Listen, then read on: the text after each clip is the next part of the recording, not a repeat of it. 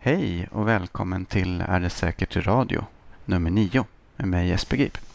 Idag ska vi prata med Tim Isaksson och vi ska prata nudging. Framförallt rörande klimatnudgar men även i stort. Jag vill passa på att be om ursäkt för ljudet, framförallt eh, vad det gäller mig. Min röst är lägre och Tims är högre. Det beror nog på min eh, talarmanik.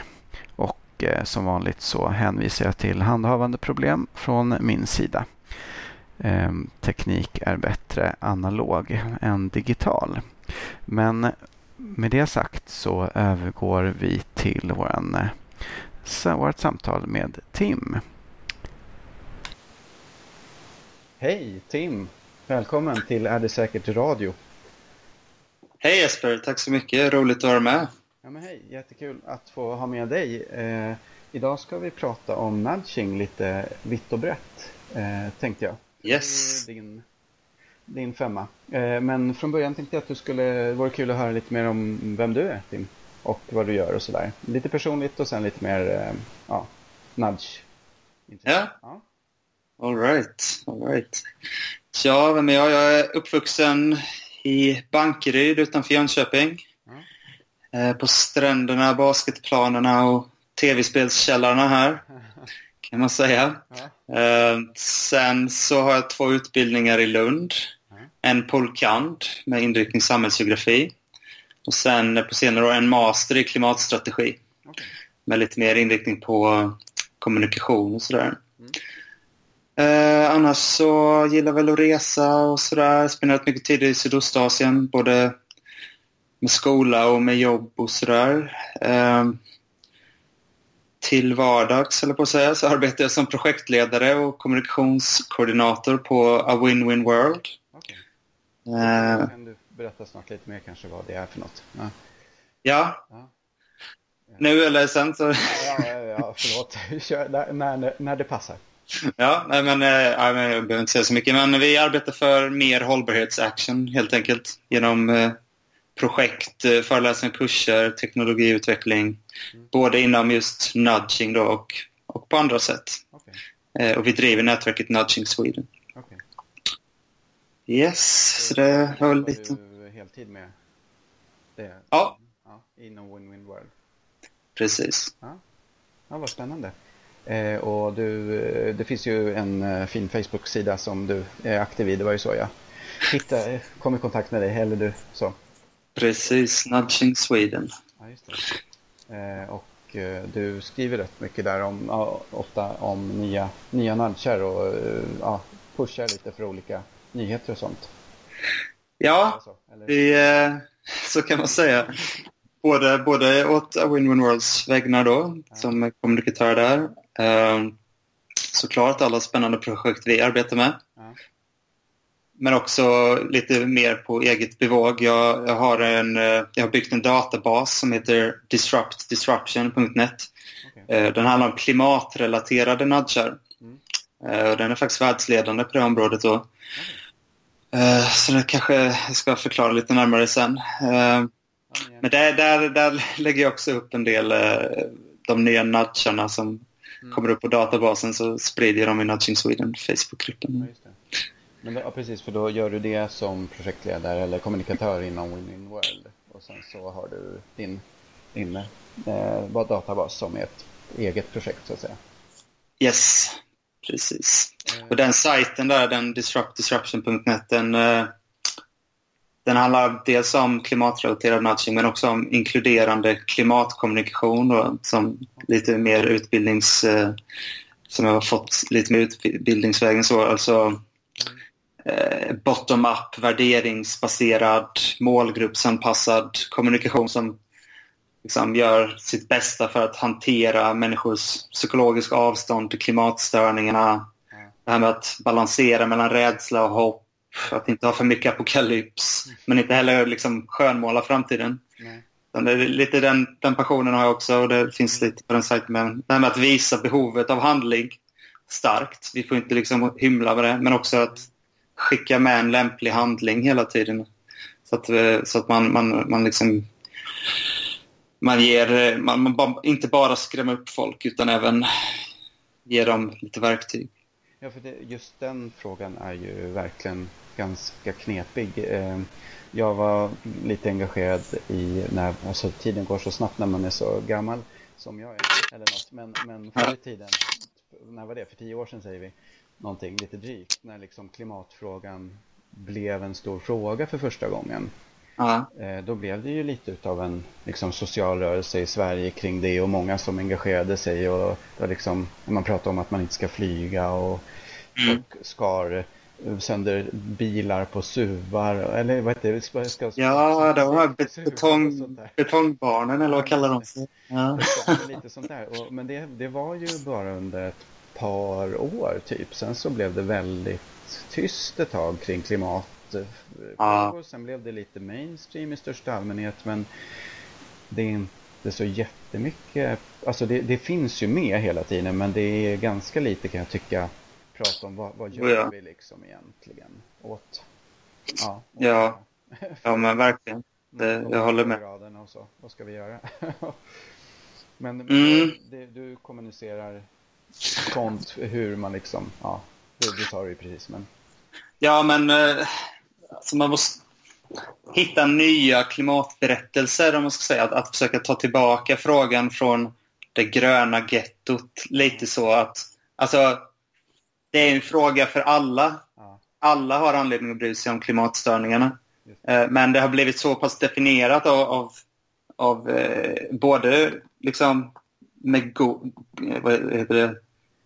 Liksom med, med, alltså, ja, med, ja, med god vilja av liksom då kanske gröna vänstern själva som, som bara vill det bästa. Men sen klimat... Eh, man säga, de, de, de som aktivt försöker så tvivel i klimatfrågan, mm. de har också liksom förstärkt det för att de har velat polarisera frågan. Så det, det har liksom blivit så pass toxisk miljö i, i klimatfrågan att, att mm.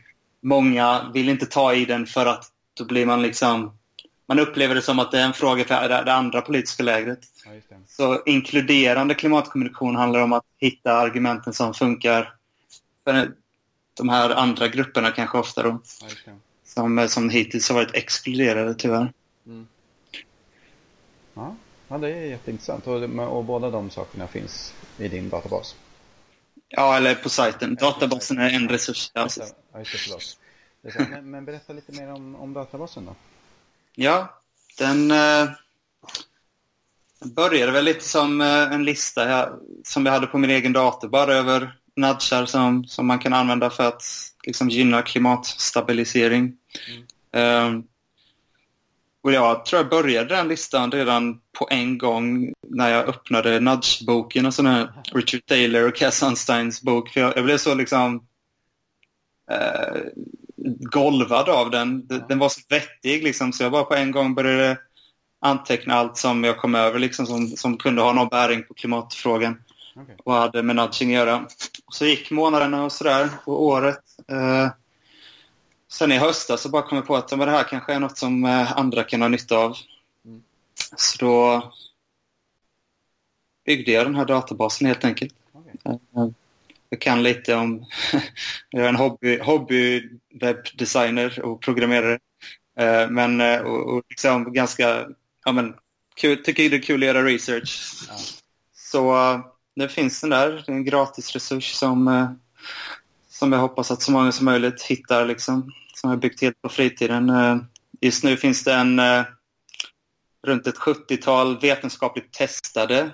klimatrelaterade nudgar som, alltså, som faktiskt har testats och skrivits om i vetenskapliga artiklar. Okay. Uh, sen finns det nästan dubbelt så många förslag som är antingen mina egna som jag har kommit på liksom genom att inspireras av, av de andra nudgarna eller sånt som har gjorts inom andra fält.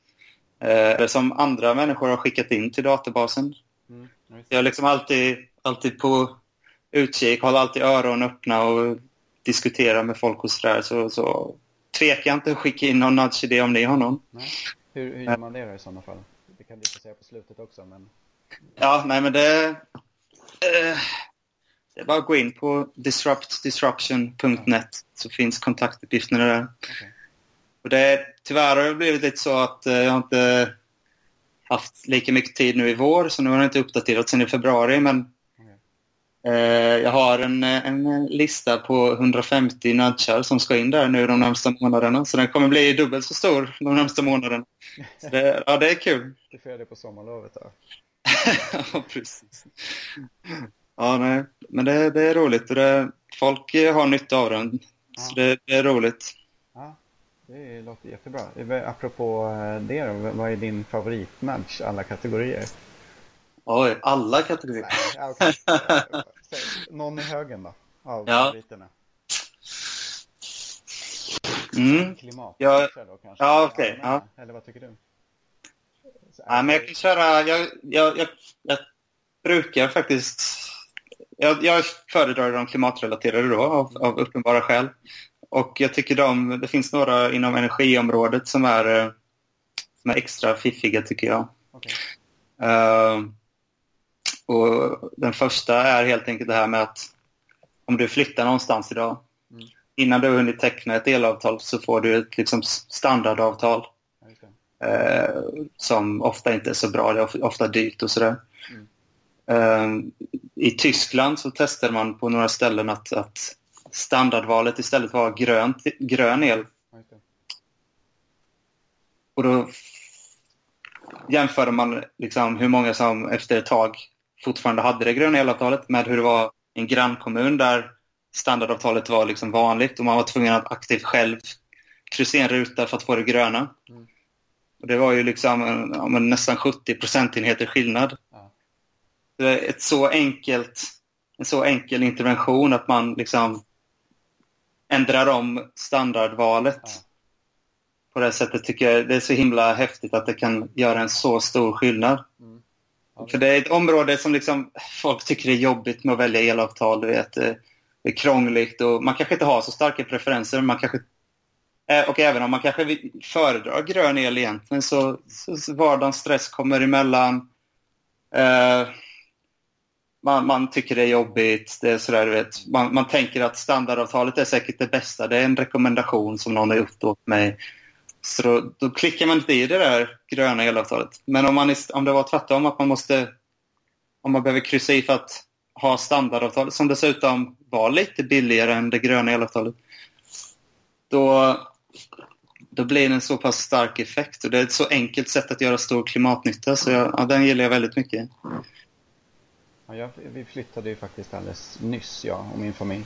Eh, ja. och då, då blev det nog bara standardavtalet fast eh, min fru dessutom ringde och pratade med ett annat elbolag och liksom kollade på deras, eh, men det har inte blivit av att vi har fixat till det än liksom. Och det är så här, det är ju fånigt när man dessutom själv är engagerad i nudging-frågor och sånt där. Liksom det, det, ja, det är lättare att vara teoretisk än att faktiskt göra och, och själv bli så att säga lura sig själv eller vad man ska säga. Ja men verkligen. Det, och det, det vittnar också om styrkan i nudger att, ja. att vi, kan, vi kan själva vara medvetna om att vi behöver dem. Ja, visst, visst. Uh, jag skulle gärna bli nudgad till att byta bank. Det är något jag har tänkt på länge. Men liksom får, inte, får bara inte tummen ur liksom. Men, men är det inte lite eh, så här eh, manipulativt tycker du? Det här med nudging? Eller det tycker du såklart inte, men, men det är ju en eh, ja. kritik man skulle kunna rikta så här. En sån här grej med elavtal, det är kanske inte manipulation på hög nivå. Men, men annars det, kan mm. finnas en sån kritik ibland som kommer upp. Det, det gör det ju, absolut. Den ser man ju ofta. Och Alltså, jag kan ju inte sitta här med gott samvete och säga liksom, nej, det är aldrig manipulation. Mm. Däremot skulle jag vilja kvalificera det då och säga så här att det finns alltid en beslutsarkitektur, så kallad. Mm. Liksom, rummen, miljöerna vi rör oss i är alltid designade på ett visst sätt och det påverkar oss alltid ofrånkomligen på något sätt. De kan vara omedvetet designade, de kan vara medvetet designade. Mm. Men med, givet att det alltid finns en beslutsarkitektur så kan det vara bra då att göra den bättre. Ja. Det känns ganska rimligt tycker jag. Och nudging handlar ju om att, att hjälpa människor att agera så som de själva egentligen vill, men på grund av liksom hjärnans svagheter på olika sätt. Skevheter och sådär. Inte alltid för, vi förmår inte alltid att agera så som vi vill. Vi är liksom inte den här kalkylerande, nyttomaximerande, fullt rationella Star Trek-Spock. Med eh, perfekt självkontroll och hårddiskminne och eh, du vet, stabila preferenser. Ja, vi är ju snarare kanske Homer Simpson. Med, liksom, vi vill ha belöningar här och nu och vi, mm. vi är kortsiktiga och vi påverkas väldigt starkt av omgivningen. Mm. Så om vi kan hitta sätt att, att hjälpa folk agera så som de egentligen själva vill, då jag ser det mer som ett hjälpmedel. Jag ser det inte som manipulation. Och, men det finns såklart olika typer av nudgar. Mm. Det ska man ju ha klart för sig. Vissa fungerar ju mer på genom att liksom adressera vårt eh, system 1-tänkande, det här automatiska, reflexiva, okontrollerbara, det som liksom dominerar hjärnan. Ja. Som vill spara energi åt oss, som vill ta de här genvägarna som, alltså som är jättesnabbt och, och har med våra sinnen att göra och bearbeta allting så utan, utan att vi kan kontrollera. Precis. Det finns ju de, den typen av nudgar som fungerar genom det systemet. Sen finns det de typer av nudgar som, som mer riktar in sig på ja, vår mer begränsat rationella sida, typ 2, system 2. Mm. Eh, som, är där, som är liksom som vill få oss att tänka ett varv extra kanske på olika sätt. Och dessutom kan de vara mer eller mindre transparenta nudgar. Ja, så om vi hittar en nudge som är ganska så otransparent och som riktar in sig på system 1. Ja. Till exempel att liksom spela musik i bakgrunden eller, eller att liksom arbeta med hjälp av visuella eller optiska illusioner och sådär. Så då kan det vara lite mer kontroversiellt kan jag tycka än, än en som är väldigt transparent vad den försöker göra och, och är inriktad på vår, vårt liksom mer rationella tänkande som en påminnelse. Ja, så det finns ju alltid olika, alltså det är inte svartvitt. Nej. Och det är ju, alltså om man, om man ska vara sån så tycker jag att alltså, reklam tillhör ju det som du pratar om nu, ungefär som den här undermedvetna, tänk, det, det, det, det automatiska system 1, mm. medvetet och, dess, och sådär. Och en sån otydlig nudge inom situationstecken är ju i princip reklam generellt. Och samma människor som kritiserar nudge har ju, eh, om, om det skulle om det skulle ha någon substans så skulle man ju också vara extremt kritisk mot reklam kan jag tycka i det läget. Mm. Och det kanske någon är, det vad vet jag liksom. Men, men, eh, men det blir, ja, så tänker jag i alla fall att om man, om man, om man inte är kritisk mot reklam generellt då, då är det svårt att vara kritisk mot nudge eftersom det är en mycket mer öppen och transparent sätt att att påverka men att man faktiskt säger vad man gör. Man, nu vill vi påverka dig på det här sättet och, och, och du, du kan välja någonting annat. Du, val, valfriheten är din men vi har ett standardval som är bättre för att vi vet att de flesta faktiskt vill ha det. Och så. Det... Ja, absolut. absolut. Och det, nudging handlar ju som sagt om att, att, göra, alltså att eh, arbeta för den som blir nudgad. Marknadsförings, syftet med marknadsföring och reklam är ju att sälja så mycket som möjligt. Ja. Så det är, det är en, en, ganska skarp skillnad däremellan tycker jag också. Men tyvärr så eh, missuppfattas det ibland. Eller de blandas ihop ibland de här två ansatserna. För att de i vissa typer av nudgar liknar kanske marknadsföringstrick. Ja. Som hur man designar en mataffär till exempel. Ja, ja men precis. Ja, det, det är kanske en glidande skala som mm. du säger. Men sen tycker jag också, ja så är det ju. men jag tycker också att man, man kan omformulera frågan eller i alla fall rikta sökarljuset på andra, eller på alternativen mm. ibland. Alltså, okay, om, eh, om vi tycker att nudge är kontroversiellt så det är ändå så att det är mer frihetsbevarande än andra styrmedel. Ja, om du sätter en skatt eller eh, en subvention mm. då liksom tvingar det på ett annat sätt. Eller om du reglerar någonting, lagstiftar någonting eh, hårt. Det är ett hårt styrmedel. Det är ju det är inte så undermedveten manipulation då, men det är ändå så här, det är mindre frihetsbevarande. Ja, nudging, nudging tar ju inte bort några valalternativ. Nej. På det sättet. Ska, man, man, man, skulle kunna, eller vi skulle kunna ta en liten stund och fördjupa oss just i den där som eh, Sunstein, alltså Cass Sunstein och Richard Thaler som har skrivit Nudge-boken som ja, det kanske inte alla lyssnare känner till. Um, men de kallar ju det från början för Eh, vad, vad heter det nu? Ja. Libertariansk paternalism. Just det. det är ju två ord som man sällan sätter bredvid varandra. Libertarianer det är ju extrem eh, nyliberaler om man ska säga. Det är sådana mm. väldigt, väldigt liberala, eller klassiska liberaler, beror på vem du frågar då. Men, men eh, väldigt liberala liberaler, inte socialliberaler. Och en paternalist är ju motsatsen till en liberal då kan man tänka. Och hur men de väljer då att kalla nudging för ja, libertariansk ja. paternalism. Ja, det kan man ju både tycka är lite konstigt och ja, jag vet inte, mm. vad, vad, säger du om det? det ja, men det... Lite grann i för sig, men... Ja, men det, jag tycker det är, det är roligt på ett sätt. Det är en motsägelse så, det är en oxymoron liksom. Mm. Uh, som får tanken att, uh, att, uh, ja, att hoppa runt. Sen är, det, sen är jag väl evigt tacksam till den redaktören som övertalade Taylor Sunstein att inte döpa sin bok till just Libertarian Paternalism. Nej. För då har nog inte någon läst den. uh, nudging är ju att, alltså det är ett koncept som är eller det, det är liksom så omedelbart klar, näst, nästan, nästan i alla fall omedelbart eh, klart vad det handlar om. Att, att ge en liten vänlig libertariansk paternalism, ah, jag vet inte riktigt. det... så det, det, har varit bra för hela forskningsfältet. Den redaktören borde få någon slags medalj. uh, men eh, jag gillar ju den libertarianska paternalistiska eh, diskussionen, den akademiska mm. debatten så, men eh, kanske att, att att de fokuserar på det så mycket i boken kanske har också inneburit lite mer att det blivit lite mer motstånd mot nudging som helhet än vad som annars kanske skulle ha varit fallet. För att eh, det har ju då blivit kontroversiellt i bägge läger. Ja. Libertarian... Ja, liberaler och mera statsvänliga personer. Ja. Ja, men precis. De, de, liberala vill ju inte ha paternalism. De vill ju inte att, att, att myndigheter, staten ska lägga sig i. Medan de, paternalister eh, tror ju inte på att det här det är lika effektivt som att reglera någonting. Nej.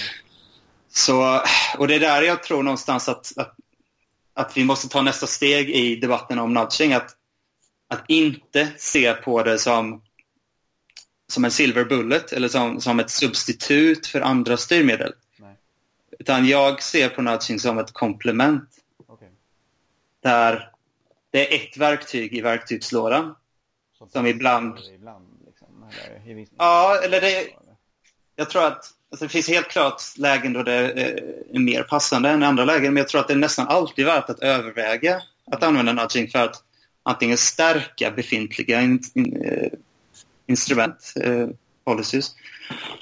Eller för att uh, kanske inte bara stärka utan faktiskt nå längre än, än vad andra styrmedel kan i vissa lägen kan det vara så. Alltså, om, om det är väldigt...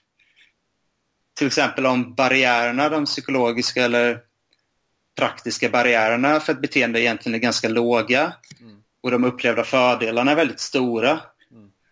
Uh, med det här beteendet, då, då är det kanske inte ett incitament rätt väg att gå där utan då för, för folk tycker det att barriärerna är låga och, och fördelarna är stora. Det är bara att man har kanske en gammal vana eller det är bara någonting som kommer i vägen. Då kan en nudge vara mycket mer effektiv än, än att så här utlova en stor bonus. Mm.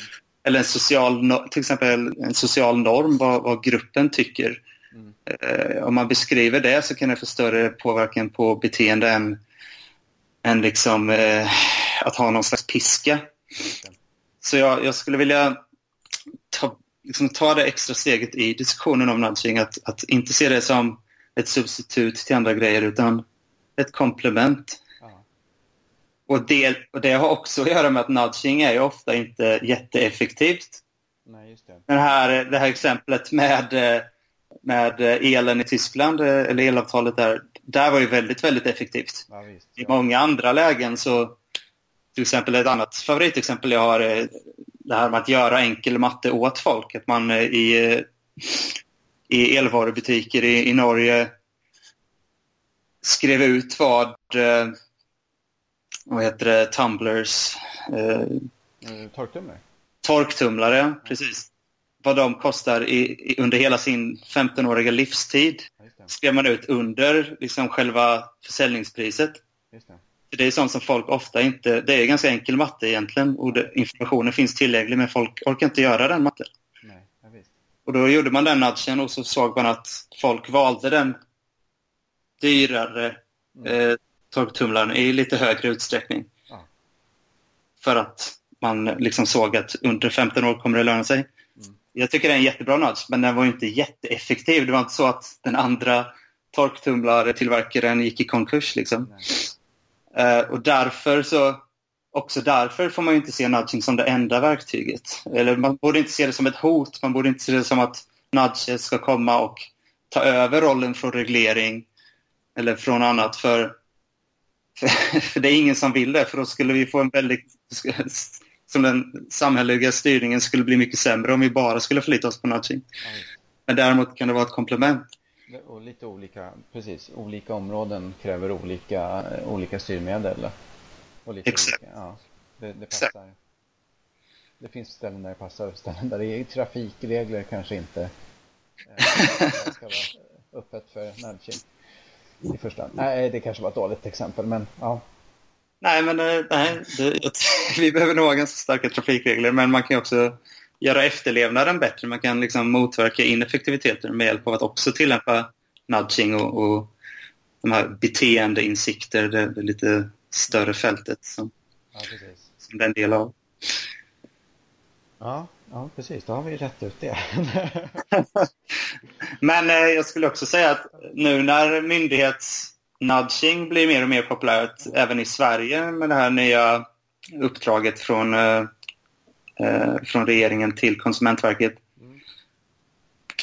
Att Konsumentverket ska kanske börja att utforma vissa eh, nudgar Okej. för att hjälpa konsumenter. Ja. Alltså det, det kommer ju vara kontroversiellt. Ja. Men inte nödvändigtvis på ett unikt sätt. Jag tänker att vi kanske behöver ha ett etiskt råd för, för nudging i Sverige då. Eller som, Mm. någon som granskar sådana här saker. Precis som man har etiska råd inom sjukvården eller man har etiska råd inom forskningen. Så det är liksom det är inget som är unikt med nudging i det avseendet.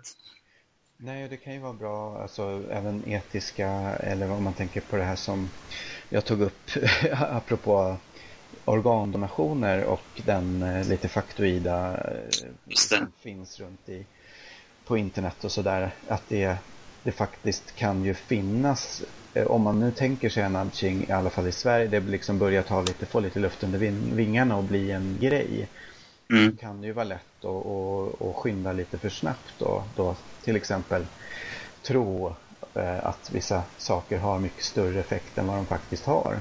Även om de kanske har en liten effekt eller till och med finns det ingen effekt. Men vikten av att faktiskt eh, ja, undersöka saker på riktigt och ordentligt innan man sätter igång det.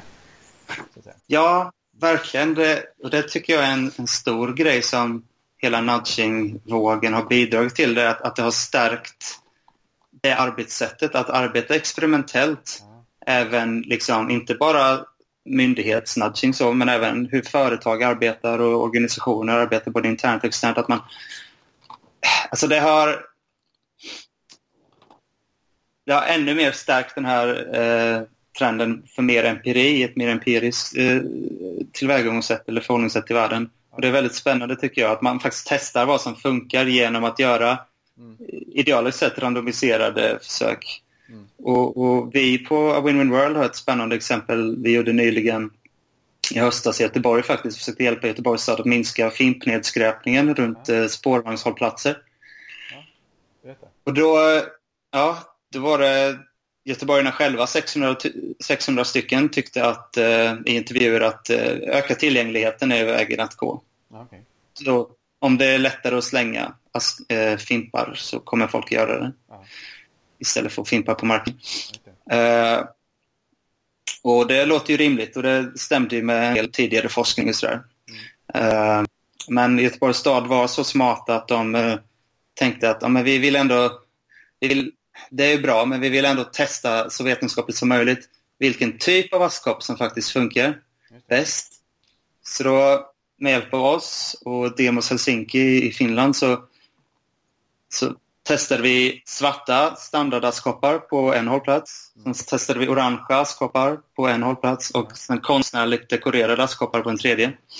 Och tänkte då att allt det här kommer ju leda till eh, mindre fimpar på marken, såklart. För det blir bättre tillgänglighet. Mm. Och sen tänkte vi att de orangea och de konstnärligt dekorerade kommer funka bättre än de svarta för de är mer synliga. Okay. Och intresseväckande och sådär. Och den sista punkten stämde, visade resultatet sen. Mm. Men ingen av de här askkopparna var bättre än att inte ha en askkopp. Okay. Så det var liksom ingen idé att sätta upp en askkopp. Uh, verkade i den här kontexten i Göteborg, i Sverige, vid spårvagnshållplatser i alla fall. Mm. Och de svarta askkopparna, mm. de var sämre, ganska mycket sämre än att inte ha en askkopp. De ökade fimpnedskräpningen på marken. Men vad, okej, vad, vad, tror du, vad hände med fimparna? Fimparna när de kastades upp på tunnan eller försvann de bara? Eller? Ja, det, det, det, vet du. Vi ska göra en uppföljningsstudie och försöka, försöka luska lite i det här. Ja. Vi tror att det kan vara så att liksom, de svarta askkopparna, eller alla askkopparna, eh, liksom, skickar någon slags signal om att ah, jag kanske vill röka just nu eller här är det okej okay att röka. Det kanske inte alltid är på alla platser i Sverige, eller så är det ju. Det finns ju sociala normer mot rökning. Mm.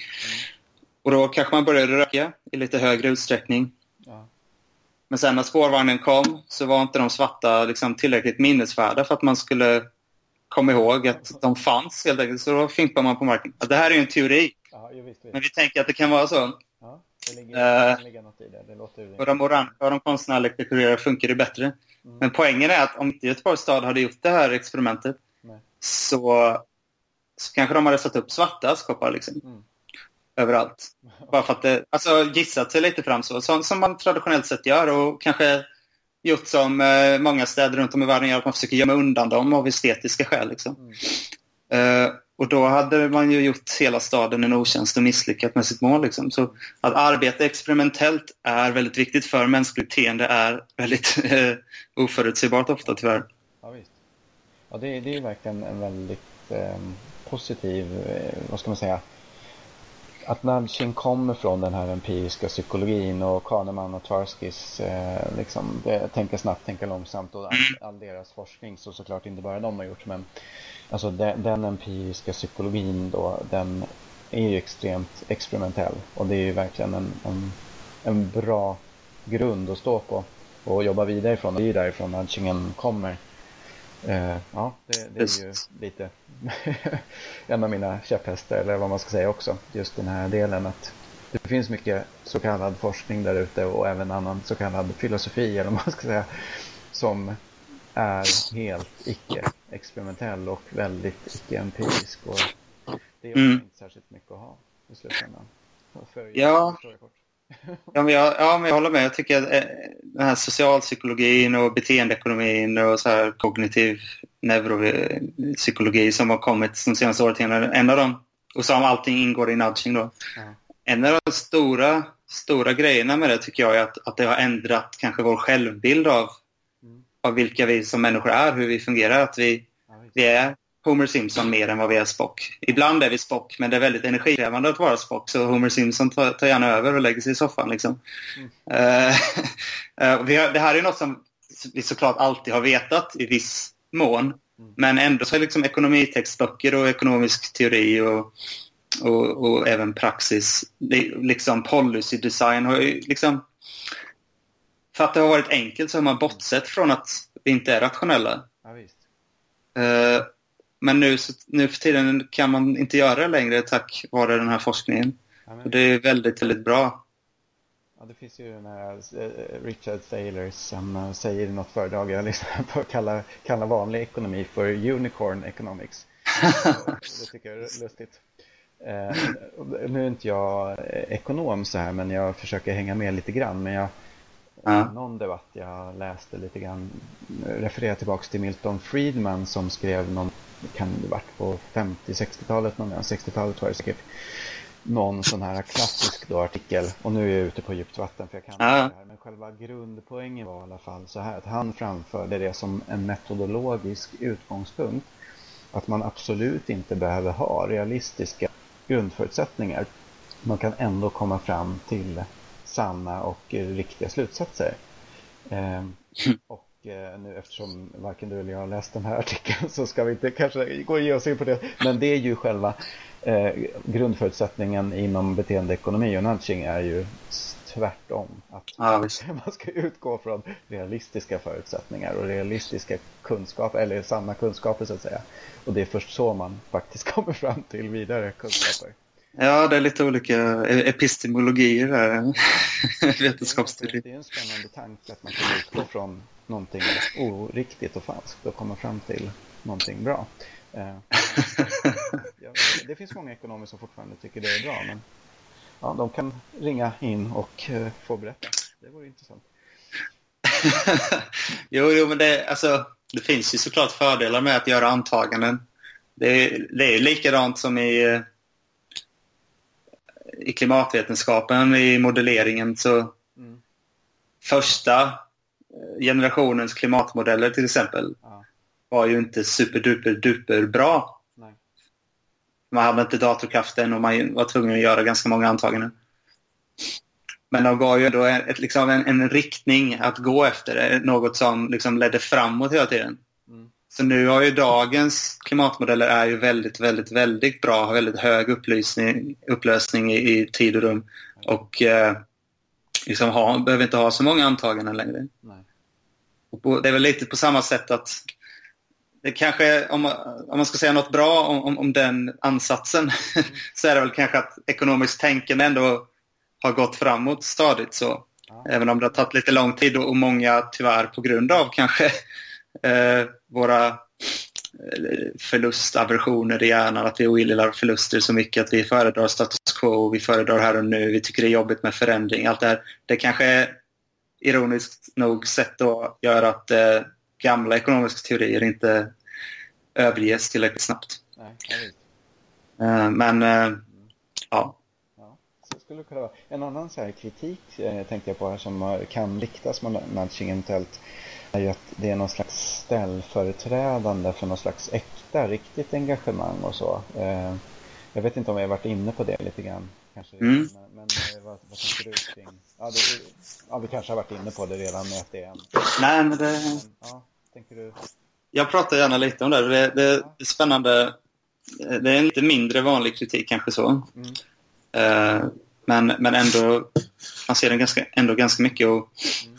Jag uh, har hamnat någonstans i mitten här på ett sätt. För jag som sagt passionerad om inkluderande klimatkommunikation. Mm. Uh, gjorde praktik på Climate Outreach i Oxford, en av världens mest inflytelserika klimatkommunikationsorganisationer. George Marshall, Adam Cornyn, sådana riktiga, riktiga klimathjältar som verkligen liksom, förtjänar all, allt tack. De har gjort mycket för att göra klimatfrågan bredare, mm. mer inklusiv. Men de i sin senaste bok som kom ut i, i december tar starkt avstånd från nudging. Okay. Mm. Och det tycker jag är så himla synd, ja. eh, men också intressant det grundar sig i samma grej tror jag det här med att man ser det nudging som ett hot. De, de tänker nog att, okay, det, att det finns... De kanske är lite mer vänstervridna och ser eh, nudging som mer åt det libertarianska hållet än, än mot det paternalistiska. Då.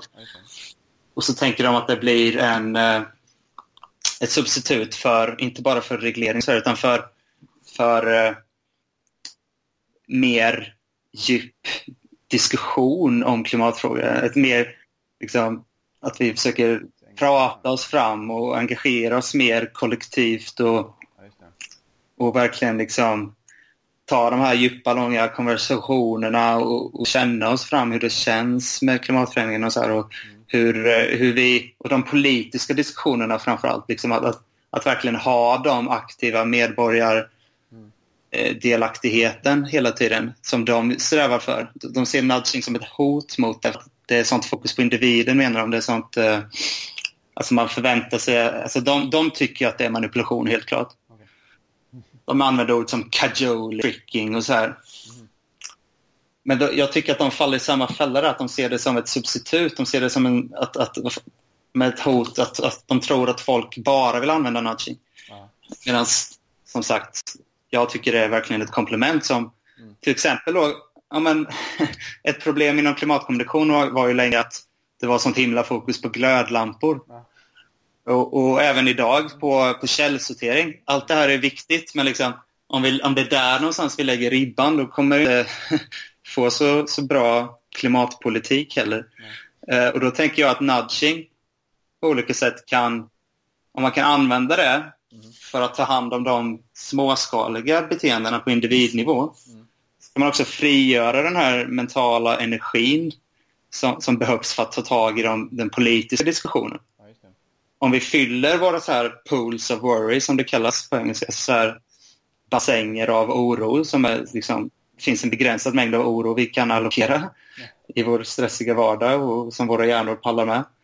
Om, om vi inte fyller upp den med glödlampor och källsortering så kanske vi kan ha lite utrymme kvar att liksom prata politik och prata alltså en riktigt meningsfull klimatdiskussion i samhället istället. Så jag ser nudging som...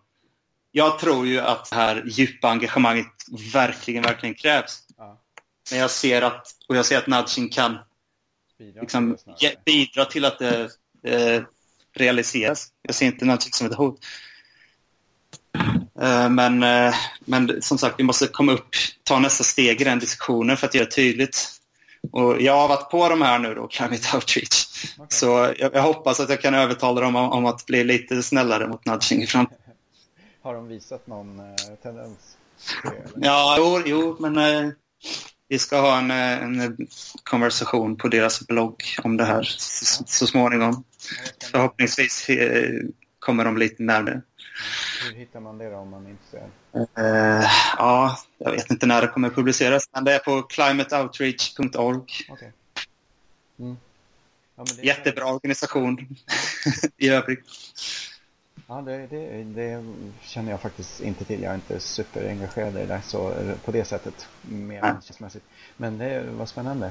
Eh, det är ju, är ju också en lite märklig tanke kan jag tycka generellt att det skulle vara Ja, men som du säger där, pooler av uh, worries. Or, pools of worries liksom.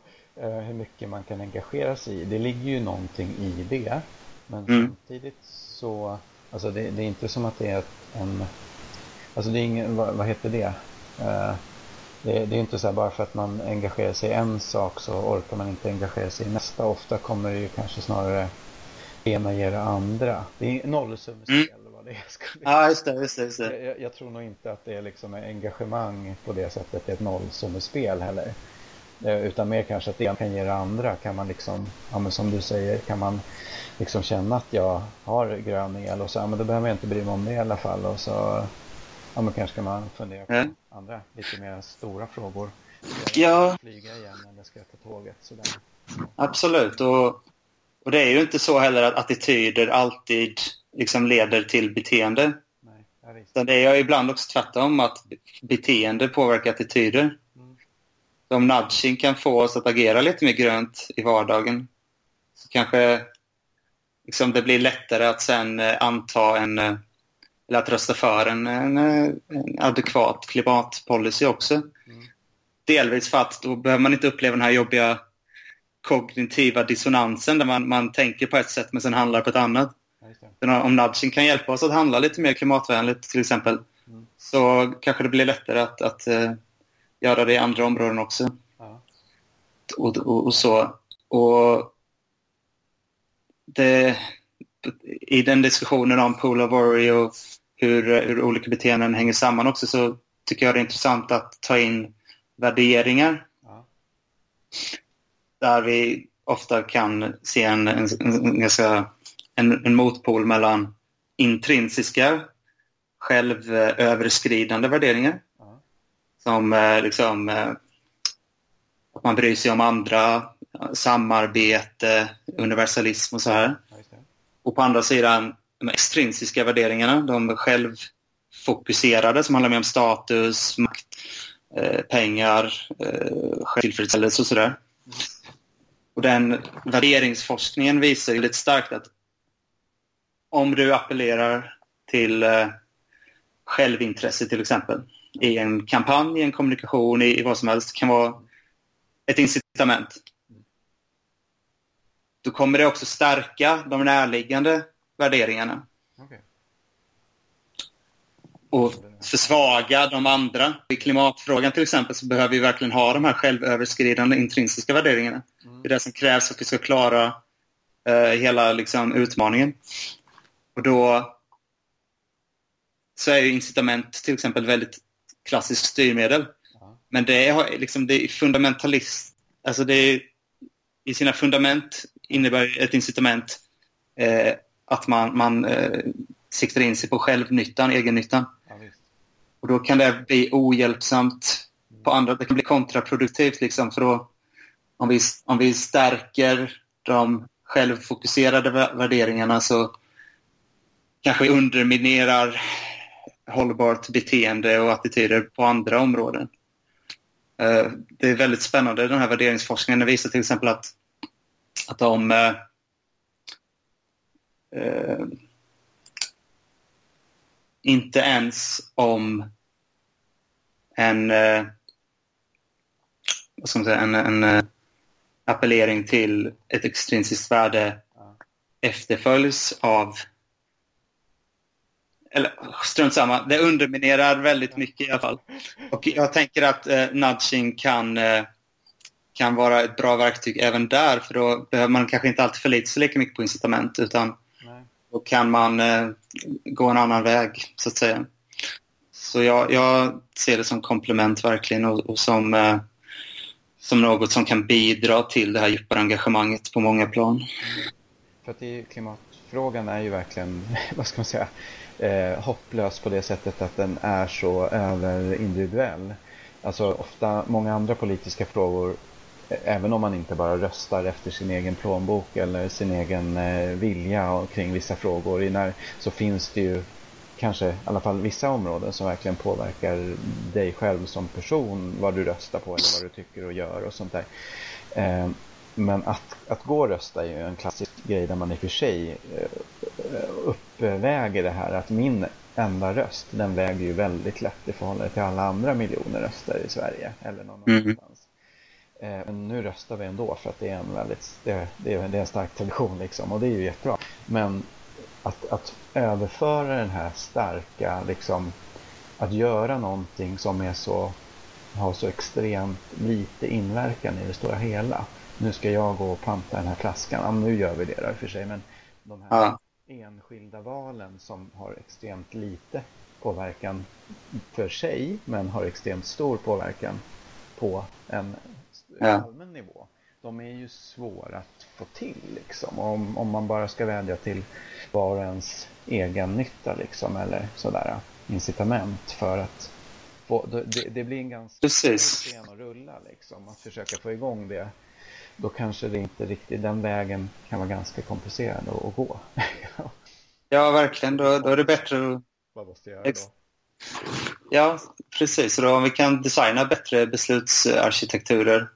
Och göra de beteendena mer automatiska så ja, det är väldigt mycket vunnet där tror jag. Mm. Vad, har du någon till eh, favoritnudge du vill dela med av? Apropå det. Ah. ja, men eh, en, eh, en ja, det, det, blir bra. En av mina favoritnudger är den här så kallade O-Power-nudgen. Företaget O-Power. Ja. Och det, det har också att göra med små, små beteenden som mm. För sig själva känns väldigt, väldigt meningslösa kanske. På det stora hela. Att, att man drar ut jag vet inte, drar ut sladdar ur, ur väggen, eh, stänger av standby-lägen. Eh, ja, men du vet, ha någon temperatur, kallare inomhus. Sådana energirelaterade beteenden som, som känns så futtiga. Mm. Det kan vara det här med lamp, glödlamporna till lågenergilampor eller LED-lampor. Sådana saker. Uh, och den här nudgen, O-power-nudgen, det, det, handlar om är ett energibolag i USA mm. som uh, till kunderna då mm. skickar ut på elräkningen så får de en jämförelse mellan hur sin egen energiförbrukning ser ut mm. och hur grannens energiförbrukning ser ut, eller grannarnas. Ett eh, genomsnitt av de som bor i närheten helt enkelt. Så det funkar då genom eh, en, en, typ av social norm, en typ av tävlingsinstinkt, eh, en typ av eh, ja, men jämförelse helt klart. Och det spännande var att i början så testar man bara det här, Mm. att ge den här informationen. I ditt Hur- område så är den en, en energiförbrukningen är si och så. Du ligger på Precis. Ja. Ja, då visade om, om man var sämre än genomsnittet, Ja. då fick det en bra effekt. Då, då blev man bättre, man sparade mer energi. Mm. Men däremot om man, var om man redan var bättre, Aha. så sänkte man sig. Okej. För då kanske man tog det lite lugnt. Liksom, bara, ah, jag är redan så bra, så nu kan jag chilla lite.